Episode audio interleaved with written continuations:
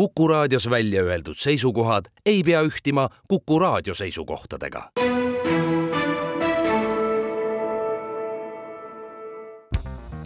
järjejutt. Kristina Toot, Piksel, Loomingu Raamatukogult. järjejutt. esimene peatükk ehk käelugu. käesõrmed on lühikesed ja tömbid, küüned on lihani näritud see käsi kuulub kuueaastasele poisile. käesõrmed on abiks arvutamisel, käsi on abiks silmade kinnikatmisel. laps istub taburetil ja sirgeldab lauaplaadile rätsepakriidiga rõngaid, kuigi talle on juba mitu korda öeldud, ära tee. ta joonistab rõnga spiraale ja kujutab ette, et kui neid lõpmata kaua teha, siis kogunevad jooned üksteise peale ja kerkivad lauaplaadilt vedruna üles poiss on püüdnud seda ka teistele selgitada, aga keegi pole lasknud tal lõpuni rääkida, nii et nüüd on ta üksi kummargil laua juures ametis, varjates jooni käsivarrega. rätsepakriidi leidis ta sahtlist, suured olid selle sinna pistnud. poisikese nimi on tegelikult David. ta elab koos ema Božena ja tema õdedega Varssavi getos. uks lüüakse sisse ja kolm toasolijat tõmbuvad nurka kui Tselina püsti hüppab, märkab ta silmanurgast veel rätsepakriiti, aga ei jõua enam midagi öelda, sest ta lastakse maha. rätsepakriit kukub põrandale ja murdub pooleks. hiljem, kui võõrad ehteid ja lauahõbedat otsides sahtlites tuhnivad, astub keegi sellele peale. Davidil ei õnnestu kahjuks hiljemgi oma kriidikatsetust lõpetada, sest ta ei ela seda sõda üle. ta sureb Treblinkas ma eksisin, eksisin, ta ei sure Treblinkas ja ta pole üldsegi väike poiss, vaid hoopis tüdrukuke. teate isegi, lapse käed on ju nii sarnased, küüned puha näritud, sõrmekesed pehmed ja tömbid. käsi kuulub hoopis väikesele tüdrukule ja tüdruku nimi on Irena. ta on leedulane, pärit Vilniusest. oi, ajan siin asju segamini, sest tahan kõike korraga ära rääkida. Pole ta mingi leedukas ainult esmapilgul tundus ta heledapäine. jah, tundus heledapäine, aga juuksed on tal täiesti tumedad ja lokkis. tegelikult, ja tõsi see on, hüütakse teda hoopis Gavrielaks. ta on sündinud Salonikis ja satub tuhande üheksasaja neljakümne kolmanda aasta veebruaris Auschwitzi. ta elab sõja üle, kuid kaotab ema ja kodumaa. hiljem kolib ta Pariisi ja temast saab Prantsuse raamatupidaja ka nii võib minna. tema mees on väga armastusväärne hõredate juustega teenistuja BNP Pariisi pangas, aga mees ei puutu praegu üldse asjasse. Gabriela mõtleb prantsuse keeles ja unustab kreeka keeles. ema nimi, Tomna, kõlab talle üha rohkem nagu prantsuskeelne sõna tanatsioon, needus ta räägib lastega ainult prantsuse keeles ja loeb kreeka kirjandustki prantsuse keeles. käed on tal tõesti inetud, sõrmed lühikesed ja seetõttu ei kanna ta ka mehe kingitud ehteid. ta hoiab neid ühes nahkkarbikeses. Gabriela pole õnnelik, sest Pariisiski õnnestub see vaid vähestel, aga tegelikult on ta üsna rahul. tal on sõbranna, kellega ta koos ostlemas käib sõbranna on Gabrielaga silmatorkavalt sarnane. metroos kõrvuti istudes peavad kaasareisijaid neid alatase õdedeks. sõbranna on tegelikult pooleldi rumeenlanna ja pooleldi ungarlanna ning ka temal on hallinevad lokkis juuksed. tean, et jutt läheb järjest keerukamaks, aga me ei saa ju tegelikkuse sassis ja harali karvu läikivaks patsiks kokku siluda sõbrataril on samuti inetud käed aga tal on sellest ükskõik, sest ta on vana. sellest käest lasti kunagi lahti. tema emal oli siis Kološvaari sarmuke. kui hakkasid levima kuuldused geto tühjendamisest, hankis armuke kaks lubatähte. ema oli kolm päeva kahe vahel, siis aga lahkus koos armukesega ja jättis nelja-aastase Kosmina maha. ta mõtles, et päästab pigem iseenda elu ta pani lapsele kompsu sülle ja lahkus tagasi vaatamata. see juhtus Iirise kvartalis tuhande üheksasaja neljakümne neljanda aasta kolmeteistkümnendal mail. see kõik pakub huvi vaid seetõttu, et Kosmina poeg sündis hiljem samuti kolmeteistkümnendal mail ja tema nimeks sai David. loomulikult pole tal midagi tegemist Varssavi getos olnud poisikesega, kellel oli sama nimi, aga kelle kõik hiljem unustasid. Seda Davidit ei unustatud teade poisi sünnist jõudis veel ungarlasest vaarisani, kellel õnnestus kuidagi üle elada sõjapõrgu, kuid Ceausescu paradiisi enam mitte. ta pidas Davidi nime halvaks valikuks, aga see ei puutu enam asjasse. poiss aga ei kuulnud lahti lastud käelugu, õnneks mitte temalt, vaid tellisetehase geto teistelt elanikelt, kes orvuks jäänud kosminaat tollal hirmunult ja vihaselt kussutasid valetasin, kuid pidasin seda miskipärast õigeks. David ei saanud kunagi teada, et keegi oli tema ema käest lahti lasknud. Polnud ju jäänud mitte kedagi, kes oleks temaga kohtudes rääkinud, kuidas ema-ema oli omal ajal anunud, et armuke mõlemad lubatähed talle annaks ning kuidas tema armunud ja segaduses ajus sai lõpuks võitu elutahe. Ka Gavriela ei tea seda lugu, sest tema on lahti lastud käest kuulnud hoopis üht teist lugu tema teada juhtus see kõik hoopis kaugel Leedus, Vilniuses ning tüdrukukese nimi oli tegelikult Irena. et hoopis Irena käest lasti lahti ja et Irena ema jättis oma lapse maha. ja ta arvab ka, et mitte kumbki ei elanud sõda üle. seda kõike pole loomulikult võimalik kontrollida. Nimede virvarris oleks kogu seda asja keerukas välja selgitada. peame enamasti toetuma oletustele näiteks on rätsepakriidiga katsetatu teoreetiliselt teostatav, sest joontel on ju ruumala. Davidil oli ilmselt õigus. kui lõpmata pikka aega samal kohal ringe tõmmata, siis teatud aja pärast kerkib see joonistus lauaplaadilt koonuselt üles ning tekib käega katsutav kumerus, mis ei lange kokku puidusööga. Seda saaks ka paberil järele proovida, aga kogu maailmas pole kellelgi veel olnud nii palju kannatust et seda piisavalt kaua järjest teha. teine peatükk ehk kaelalugu. emps, ära hakka jälle peale, sa pole ju üldse vana. naine seisis koridoris proovikabiinide ees ja üritas ema kardina taha suruda. Järjekorras ootavad sakslased rõivad käsivarrel, vaatasid neid mõistmatul ilmel, vanem naine aga ei tahtnud järele anda ja raputas muudkui pead asi polnud selles, et ta oli kahekordses peeglis näinud end ka tagantpoolt, et ta oli märganud oma laia selga soonivat rinnahoidjat ja tumehalle juukseid. asi oleks võinud olla ka selles, aga ei olnud. talle ei teinud meelehärmi seegi, et tütar tahtis ise riiete eest maksta. Tütar teenis ju hästi ning tema sakslasest meeski oli ikka meelsasti ämmale mõne uue eseme ostnud. asi oli hoopis muus vanemale naisele oli proovikabiinis äkki selgus saabunud, aga ta ei saanud sellest rääkida. tema nägu hõõgus, kuid ta ei saanud öelda, mille pärast. ta ei saanud tütrele rääkida kaelalugu. esimest korda käis ta läänes seitsmekümne kaheksandal aastal. Hiljemgi ei sattunud ta sinna just tihti, aga kõige esimene kord sööbis eriti mällu. teda kutsuti ulmi ühele konverentsile. tüdrukud olid veel väikesed mees jäi neid hoidma. ei olnud sugugi kombeks, et arstid võtavad kaasa röntgeniosakonna assistente, eriti veel viiepäevasele konverentsile läänes.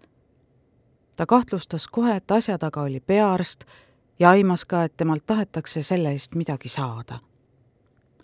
Kui nad õhtul hotelli koridoris teineteise vastu liibusid, teadis naine juba, et läheb oma tuppa peaarstiga koos. Nad olid enne seda joonud, ta talus alkoholi üsna halvasti. Nad langesid tuikudes voodile ja armatsesid koidikuni, kella viie paiku läks arst aga ootamatult kainenenuna ära, otse kui oleks teda haige juurde kutsutud. naine tõusis alles kella kaheksa ajal. Vannitoas pani ta tähele, et kaelale oli tekkinud maasikas. temaga polnud veel kunagi sellist asja juhtunud ning ta muretses, kas laik ikka jõuab kolme päevaga kaduda ta sõi hotellis hommikust ja läks siis linna peale, päevaraha taskus. lõpuks jõudis ta ühe suure kaubamaja naisterõivaste osakonda. armuküllane öö ja eesootav vaba ennelõuna mõjusid lõõgastavalt ning ta ei tundnud harjumuspärast süümepiina, mis ründas teda alati, kui ta endale midagi osta tahtis. naine võttis proovikabiini kaasa ühe sügava väljalõikega erkpunase kleidi. kodumaal poleks ta iial valinud sellist silmatorkavat rõivaeset, aga nüüd kujutles ta, et hakkab seda kleiti ka kandma. ta nägi ennast peeglis. sealt vaatas vastu taevasinise pilguga naine, kes võiks veel vabalt paar aastat punast kanda naine keeras küljed silmitseda kleiti teise nurga alt ning siis märkaski ta nagis rätikut. keegi oli selle vist sinna unustanud. see oli sinipunane siidirätik, mingid kirjad peal. ta polnud kunagi elus varastanud.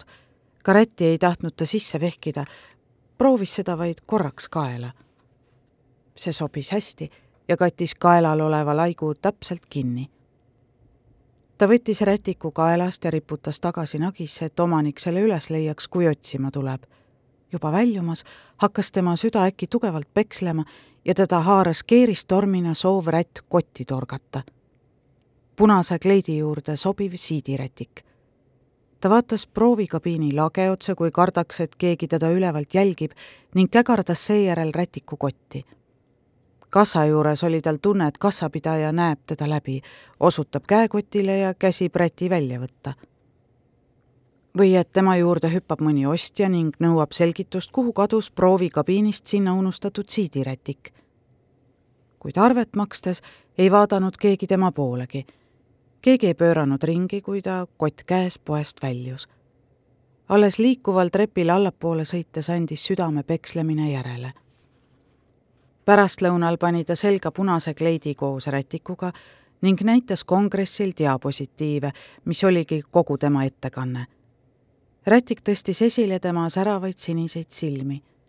peaarst kandis saksa keeles ette pikema teksti, millest naine aru ei saanud, aga ta tundis, et kõik vaatavad tema rindu ja peavad teda kahest lapsest hoolimata veel ihaldusväärseks ta jättis rätiku kaelaga õhtusöögiks ning lubas seejärel peaarstil taas oma uksele koputada ja eelmise öö sündmustel korduda.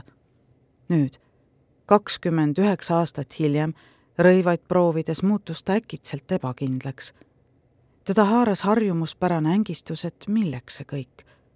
ta kooris ebamugavalt pitsitava pluusi seljast ja läks tütre juurde kõrvalkabiini.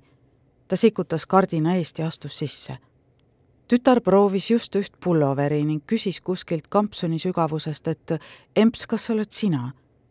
siis pistis ta pea pulloveri kaelusest välja, aga nähtavale ei ilmunud mitte blondeeritud juuksed, vaid mingi läikiv kangas.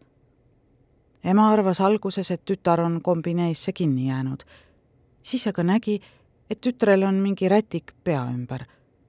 see kattis loorina terve näo tütar tõmbas siidiräti näolt ja riputas tagasi nagisse, kus oli veel kaks samasugust. Neid pannakse igale poole, selgitas ta emale, vähemalt peenemates kohtades, selleks, et ostjad riideid meigiga ära ei määriks, kui neid selga proovivad. vana naine lahkus sõna lausumata proovikabiinist. talle tuli meelde, kuidas ta seisis seitsmekümne kaheksandal aastal poodiumil, kaubamaja rätik kaelas ja oli nüüd juba veendunud, et kõik teadsid, kust see pärit oli. rätikul oli punasinine triip, samasugune oli kaubamaja reklaamkottidel. ja nüüd oli ta juba ka kindel, et kõik nägid ka lillakat laiku varastatud rätiku all, varastatud armastust, nägid koguni koju jäetud abikaasad kahe väikese tütrega, samamoodi nagu tema nägi röntgenipiltidel seda, millest haigetel polnud veel aimugi. ma ei taha mitte midagi ütles ta tütrele väsinult ja trügis ootajaist mööda, nii nagu tal oli kombeks teha haigla koridoris, kui ta läks röntgenipilt käes ning ei tahtnud, et patsientide omaksed teda kõnetaksid. kolmas peatükk ehk silmalugu.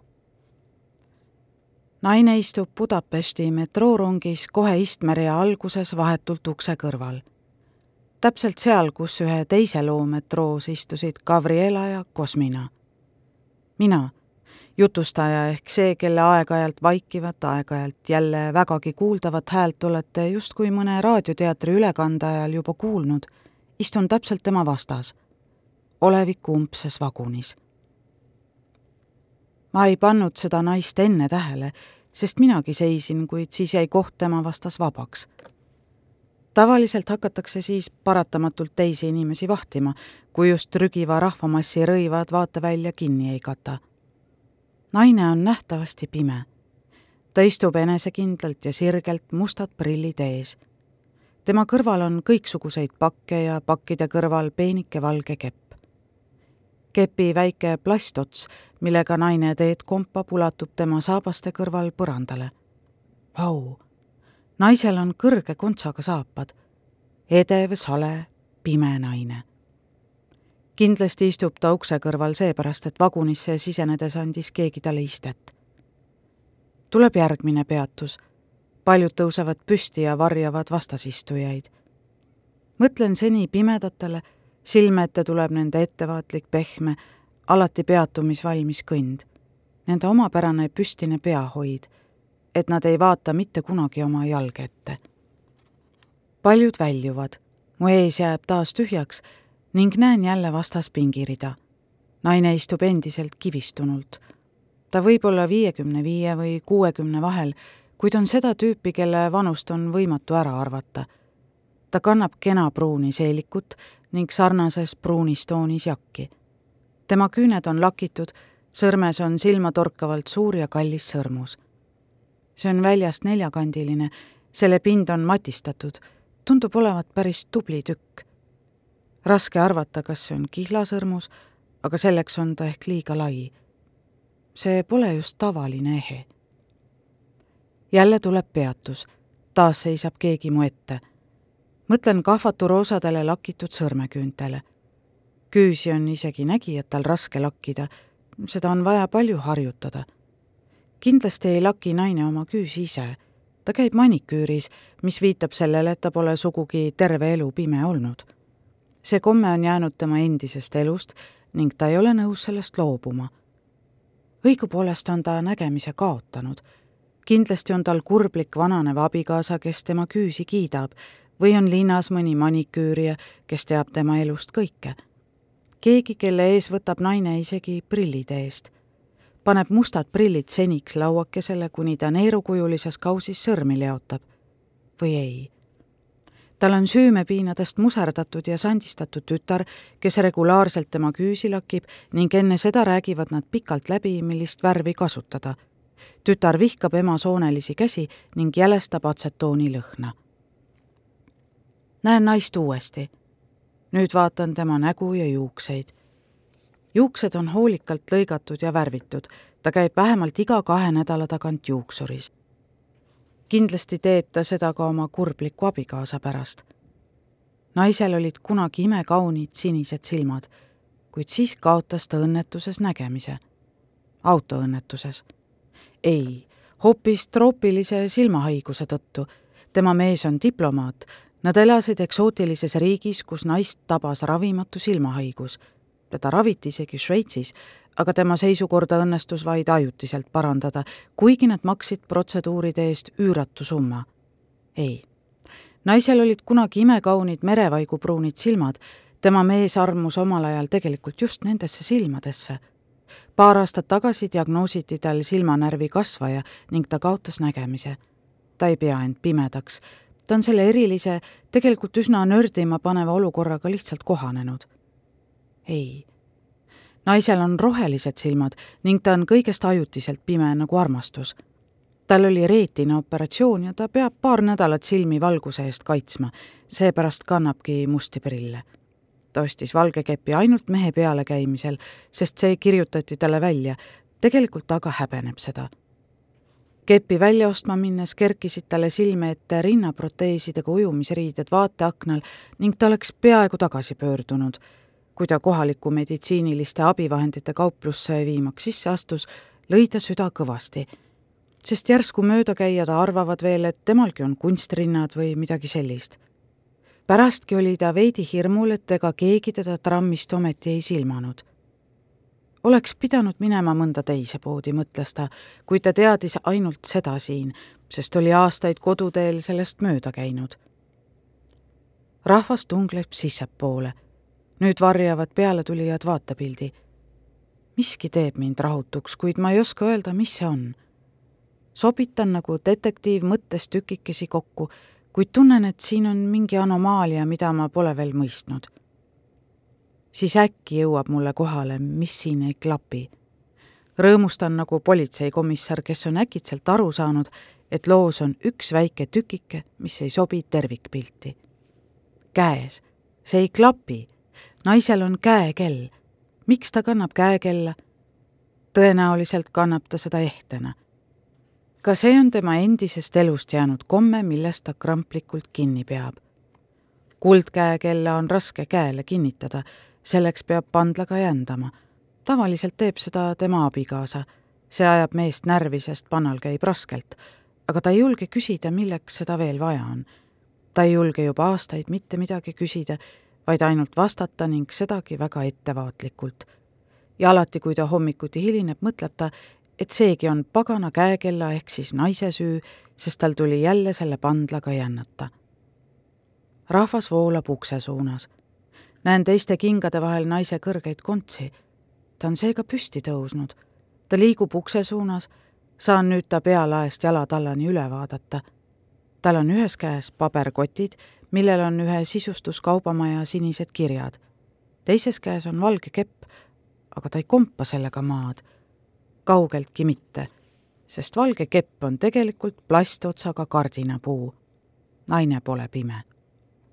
käekell, mida ta kannab, ei ole aga mitte poja kingitus. tal on küll kaks poega aga käekella sai ta tütrelt, kelle nimi on Helga. just. see on võltsitud. Ja pole ka sugugi täpne, sest kui naine vagunist väljub, märkab ta, et metrookell näitab kaksteist minutit rohkem kui tema oma. see kell maksis viis eurot ja ta laps ütles Kreeka rannas oma kutile, et vahet pole, saab selle ja kõik. ta ei tahtnud rohkem kulutada, sest nad olid juba niigi palju asju ostnud ning tegelikult ta isegi ei armasta oma ema neljas peatükk ehk jalalugu. Bordeaux punaste juustega õpetaja tiirutab otsides mööda koridori. naiste vetsu ei paista kuskil. ta vihkab majast väljas toimuvaid keelekursusi. praegugi leidis ta selle asukoha hädavaevu üles. lisaks ei jõudnud enne tunni algust enam pissil käia. ja kuumaperioodi algusest saadik on tal ka jalad valutanud. kedagi ei ole näha, nii et ta lipsab meeste vetsu paistab, et siin korrusel ongi ainult meeste oma. Ta on just lõpetanud ja tahaks püksid üles tirida, kui kuuleb, et uks käib ja keegi tuleb sisse. ja hakkab ukse taga pissuaari soristama. Pole hullu, küll ta kohe lõpetab.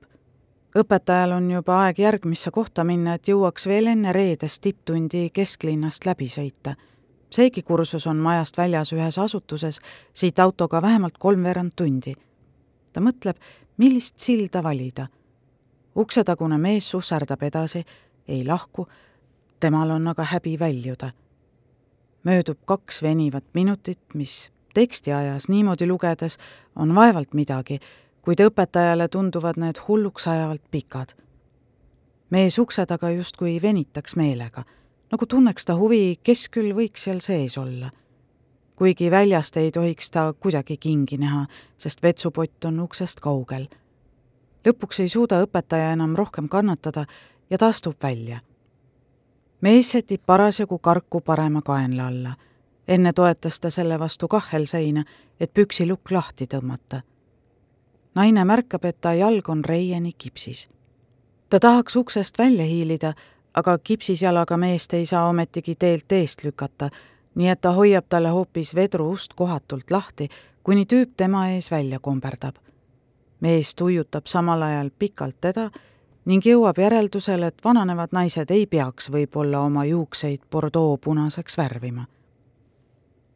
mees jõuab liftiga alumisele korrusele ja taipab alles siis, et mis asja, see naine käis ju meeste vetsus aga ta ei jõua selle üle enam mõlgutada, sest takso on juba kohal ja sõidutab ta traumatoloogiasse. täna võetakse tal kips maha. oligi aeg, mõtleb ta, sest ta kõht on trombivastastest süstidest juba täiesti siniseks tõmbunud. ja eelmisel nädalal sadas veel ka vihma, kipsile tuli kilekott peale tõmmata, mistõttu nägi ta välja nagu kodutu. samal ajal, kui naine ummikus jupikaupa edasi venib, sest loomulikult ei õnnestunud tal tipptundi vältida, saetakse mehel suure müra saatel kips maha ning antakse paber füsioterapeudi telefoninumbriga. Ta võtab kargu kindluse mõttes kaasa ja üle vöötraja minnes toetub sellele veel natuke, sest laba jalg on ootamatust koormusest pakitsema hakanud. ta tunneb end vabana. jalg on uskumatult kerge, justkui polekski seda alles. ta ei vaata isegi ringi üks sinise Suzukiga naine tututab talle ootamatult ja näitab laia käeviipega, et halloo, fooris on juba punane. Kark pigem aeglustab kõndimist. tegelikult polegi tal seda vaja. Nii sätib ta selle järgmisel tänavanurgal ühe konteineri najale ja helistab mobiiliga uue takso. prügikasti ümber ja kõnniteel on palju vanu asju, sest elanikud on hakanud iga-aastase suure prügiveo käigus üleliigset räni tänavale kandma tunni aja pärast käib tänavanurgal juba elav sagimine. kaks paksu dressides meest tirivad jalgu järele vedades külmkappi. välja tuuakse katkine nurgadiivan ja lõhutud vedrudega tugitool, üksteise otsa kuhjuvad plekilised madratsid. lükandustega kappidel istub vatijopes mustlasnaine ja sööb jalgu, kõigutades sihvkasid naisega koos tulnud tumeda pilguga musklis mees viskab kokku tassitud kuhja otsa ühe kargu seejärel asub külmkappi oskuslikult tükkideks lammutama. ta kerib juhtme hoolikalt kokku, eraldab korpuse, lõikab küljest pistiku ja topib selle oma kotti. Ta asub just külgplaate eemaldama, kui kohale ilmub teine metalliotsijate seltskond. veoauto kastis on ohtralt riikimislaudu, kuivatusreste ja muud metallikola uustulnukad hüppavad maha ja kiirustavad külmkapi juurde, et sellest kinni kahmata algab tõuklemine, seejärel karjumine, keegi kukub mustlaskeeles sõimlema. naine lõpetab sihvkade närimise ja ütleb oma mehele. kuule, jäta juba järgi, mis sa tahad, ah, et sind gulaagidesse viidaks. mees kehitab õlgu ja läheb eemale. ühe uustulnukast kuti silm peatub samal ajal kargul. sihvkasid näri veit pomiseb, et see on müüja. poiss kummardub vaatama, proovib, sätib seda kaenla alla liipab paar sammu. mõned ümberseisjad kinnitavad, et just täpselt tema suurus ja sellega annaks veel teenida ka. Lõpuks saab kutt kargu endale kahe õlle eest, aga kui ta nurgapoest tagasi jõuab, on teised veoautoga juba ära sõitnud. ka tema vanem vend oli koos teistega koorma otsas. poiss võtab kargu ja liipab ristmikku, nii et natuke harjutada. on lämbe ja suitsune loojang, õhk on justkui tardunud autode joru ei liigu mitte üheski suunas. poiss läheb ristmiku poole, kargu tugi rõhub kaenlaauku, aga ta mõtleb, et ehk pikapeale harjub sellega. kipsist vabastatud mees on vahepeal koju jõudnud. tema sääremari ja reis tuikavad järjekindlalt. ta tõotab endale, et ei mängi enam mitte kunagi jalkat ja üldse poleks vaja olnud ennast pingutada. eelmisel aastal oli tal infarkt ta peaks rõõmus olema, et üldse veel elus on. ta mõtleb, et peaks oma nooremale tütrele helistama. Aga siis peaks ta kohe ka seletama, kuidas tal läheb ja tal oleks häbi. vahepeal tõmbab ta kardina ette, sest sisse hõõgub õhtune päike ja vaatab, missugune mustus tema korteris valitseb. täitsa nagu elaks siin mingi vanur, isegi lõhn on selline, kui ta koju jõudis Bordeaux punaste juustega õpetaja keerab ka just päikesevarju alla. seejärel lülitab autos raadio sisse. ta kardab, et jääb hiljaks. Meie näeme autorida ülevalt ja teame seega kindlalt, et jääbki. sinisel Suzukil pole mingit šanssi õigeks ajaks järgmisse kohta jõuda. kilomeetreid eemal silla otsas on toimunud ahelõnnetus ning seetõttu on kogu sõidurida kinni töötava mootoriga autode vahel lööberdab üks poiss. õpetaja aga teeb pedaali kohal jalalabaga ringe, sest sääremari on krampis. Ta teeb täpselt neid samu liigutusi, mida tehakse pikkadel lennureisidel. kahju, mõtleb ta, et kursuseid veelgi kaugemal ei tehta. äkitselt märkab ta alla lastud akna taga üht paluvat peopesa. ta hakkab ruttu peenraha otsima ja tõotab endale, et läheb arsti vastuvõtule ta kahmab tavalisest suurema peotäie münte. mine sa tea, ta pole küll ebausklik, aga talle tundub imelik, et näeb õhtu jooksul juba kolmandat karguga inimest. viies peatükk ehk pealugu. kõik sai alguse Itaalia reisil. temas töötasid veel vanad turistirefleksid, ta üritas vaadata kõike. insener oli omal ajal muinsuskaitsega tegelenud nii vaatas ta ka nüüd kohusetundlikult ära Itaalia linnakese tähelepanuväärsed fassaadid ja Via Garibaldi äärse paleederivi. vahepeal aga andis endale tõotuse, et enam rohkem loenguid välismaal ei pea. see oli viimane. järgmise päeva ennelõunal lebas ta oma hotellitoas, kui voodi koos temaga liikuma hakkas. see vappus siia-sinna, seejärel hakkas aeglaselt tõusma ja langema ratsionaalne seletus oleks olnud maavärin ta vinnas end kohutava pingutusega püsti, komberdas aknani ja vaatas välja. ta nägi rahulikku ennelõunast platsikest koos koera jalutava onkli ja kõrgekontsalise blondi naisega. tõuked aga jätkusid niipea, kui ta voodile tagasi vajus. tema viimane teadlik mõte oli, et peaks katsuma kätte saada vastasseinas mustava peitsitud kapi ümara peaga kuldse võtme. kui ta oleks ärganud kuldne võti käes, siis oleks ta võinud kindel olla, et värin ei olnud unenägu. kuid ta käsi oli ärgates tühi, riided aga higist märjad. tema selg valutas, sest ta oli üritanud täie jõuga end kinni hoida, kui tuba mõne tunni eest oma selged piirjooned kaotas. pärast hämardumist jalutas ta hotelli vastas olevasse jäätisekohvikusse ning kui ta valges pluusis ja ümmarguste kõrvarõngastega müüjatarile otsa vaatas, märkas ta näo asemel suurt amorfset laiku ta kahtlustas päikesepistet, kuid lubas endale, et laseb end kodumaal korralikult uurida. MRT uuringut oleks tulnud oodata terve kuu, kuid lõpuks võeti ta järjekorras vahele. talle anti kätte plastpump ning paluti märku anda, kui ta uuringu ajal end halvasti peaks tundma. masinas sees oli justkui mingis kirstus. uuringu käigus kuulis ta rütmilisi koputusi nagu oleks keegi proovinud teda tema eluvaremete alt välja kaevata ning vahepeal morsesignaalidega oma lähenemisest teada andnud. naisarstil, kes talle tulemused teatas, olid silmatorkavalt suured sinised silmad. see silmatorkavalt suur sinine silmapaar istus vananevas lõtvunud näos. doktori olemuses oli seevastu midagi sümpaatset ja säravalt naiselikku mees vaatas kodus hajameelselt jalka MM-i ning otsustas, et ei räägi oma naisele sellest esialgu midagi. mida tal olekski öelda olnud, et tal on viimasel ajal olnud isemoodi nägemused ja üks siniste silmadega arst kutsus ta järgmiseks teisipäevaks tagasi. teisipäeval võtsid nad istet naise peaarsti kabinetis. naine vaatas mehe sõrmes olevat sõrmust, mida seal möödunud korral MRT uuringu ajal ei olnud, sest oli tulnud riietusruumis ära võtta. see oli tõesti huvitav ese.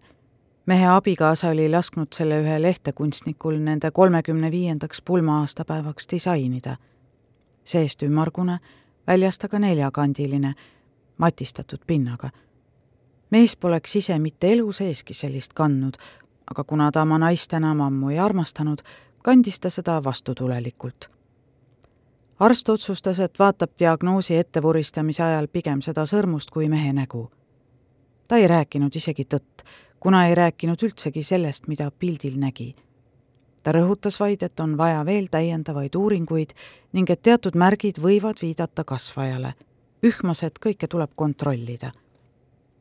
kui naine oleks tõtt rääkinud, oleks ta alustanud sellest, et kasvaja on otsmiku sagara keskel ning jätkanud, et mees kaotab peatselt mälu ning üsna tõenäoliselt lausa oma isiksuse taju. võimalik, et jääb ka halvatuks. naine tõstis pildid valgusele lähemale ja näitas, mida tuleks vaadata. Need olid mehe arust nagu sümmeetrilised tindiplekid ning neis võis näha igasugu asju. öökulli, sülekoerakest ja lõvi. arst lisas, et muidugi, ja veel ka paaviani, kuid ahvipead ei õnnestunud mehel kuidagi tabada vestluse käigus heitis arst pilgu mehe kätele ja proovis aru saada, kas tegemist on abielusõrmusega. naine pidas seda igal juhul liiga silmatorkavaks. mehe abikaasale aga meeldisid äärmiselt sellised erakordsed esemed. samal ajal, kui mainitud vestlus aset leidis, valis ta IKEA-s asju ja võttis riiulilt suure sinise helendava plastpalli. ta ei tahtnud seda mitte oma koju, vaid nende tütre Helga korterisse. Helga oli kolmekümnene ja kolis hiljuti ühe uue kortermaja katusekorterisse. ema teadis, et lapselast ei ole lähitulevikus veel loota, sest Helga oli juba aastaid ühe naisemehe armuke, aga sellest hoolimata asus ta mõttes juba tulevast lastetuba sisustama. ta ostis veel ka plastotsaga valge kardinapuu ja mõned loo seisukohast täiesti tähtsusetud vannitoa vaibad. samal ajal proovis ka ajukasvaja end sisse seada ja muuta juba vallutatud ala ehk siis mehe aju omal viisil kodusemaks. selles ajus ei liikunud mõte praegu üldsegi mitte abikaasa ümber ja tunnistagem, et välja jäid koguni kaks poega ja Helga oma uue korteriga. kella üheksa ajal õhtul helistas mees arstile, pildid põlvedel ja teatas, et paavian on leitud. arst ei teadnud endiselt, kas see kobakas ehe on abielusõrmus või mitte, aga võttis vastu kutse sõita mehe suvilasse Villani lähedal. väike verandaga talumaja oli tehtud savist, seetõttu oli toas suvisest palavusest hoolimata jahe mees kandis juba harjunud moel ette, kuidas ta oli päästnud algupärased ukselingid ja teinud korda palklae ja tõmbas siis sinisilmse arsti koredale villatekile pikali. arsti vananev keha polnud kuigi kaunis, aga mees kallistas teda siiski palju meelsamini kui oma kõhna, alati jaheda nahaga abikaasat. naist vähehaaval lahti koorides märkas mees tema kõhul sügavat pikisuunalist armi doktor oli mõlemad lapsed toonud ilmale keisrilõikega ning rääkis sinnasõidul väikeses toidulõhnalises kõrtsis nende kohta üht-teist. ta mainis lõunasöögi ajal, et üks tütar, Edith, läks Saksamaal mehele, teine vist, Aagi, elab Budapestis, Baroši tänaval ja on juba üle kolmekümne. vaeseke on täitsa õnnetu, ei leia endale normaalset poissi arhitekt näitas samuti fotot kolme täiskasvanud lapsega ja kiitles, et on kõigile juba korterid muretsenud, selle väikese maja seadis aga meelega sisse ainult enda jaoks ning lisaks oli selle juurde hiljuti ostnud ka veinikeldri. villane talupojatekk voodil torkis ebameeldivalt kogu vahekorra ajal. Doktor silitas mehe selga ja mõtiskles samal ajal, et hea disainer peab kõigele mõtlema see ongi ju disainis põhiline.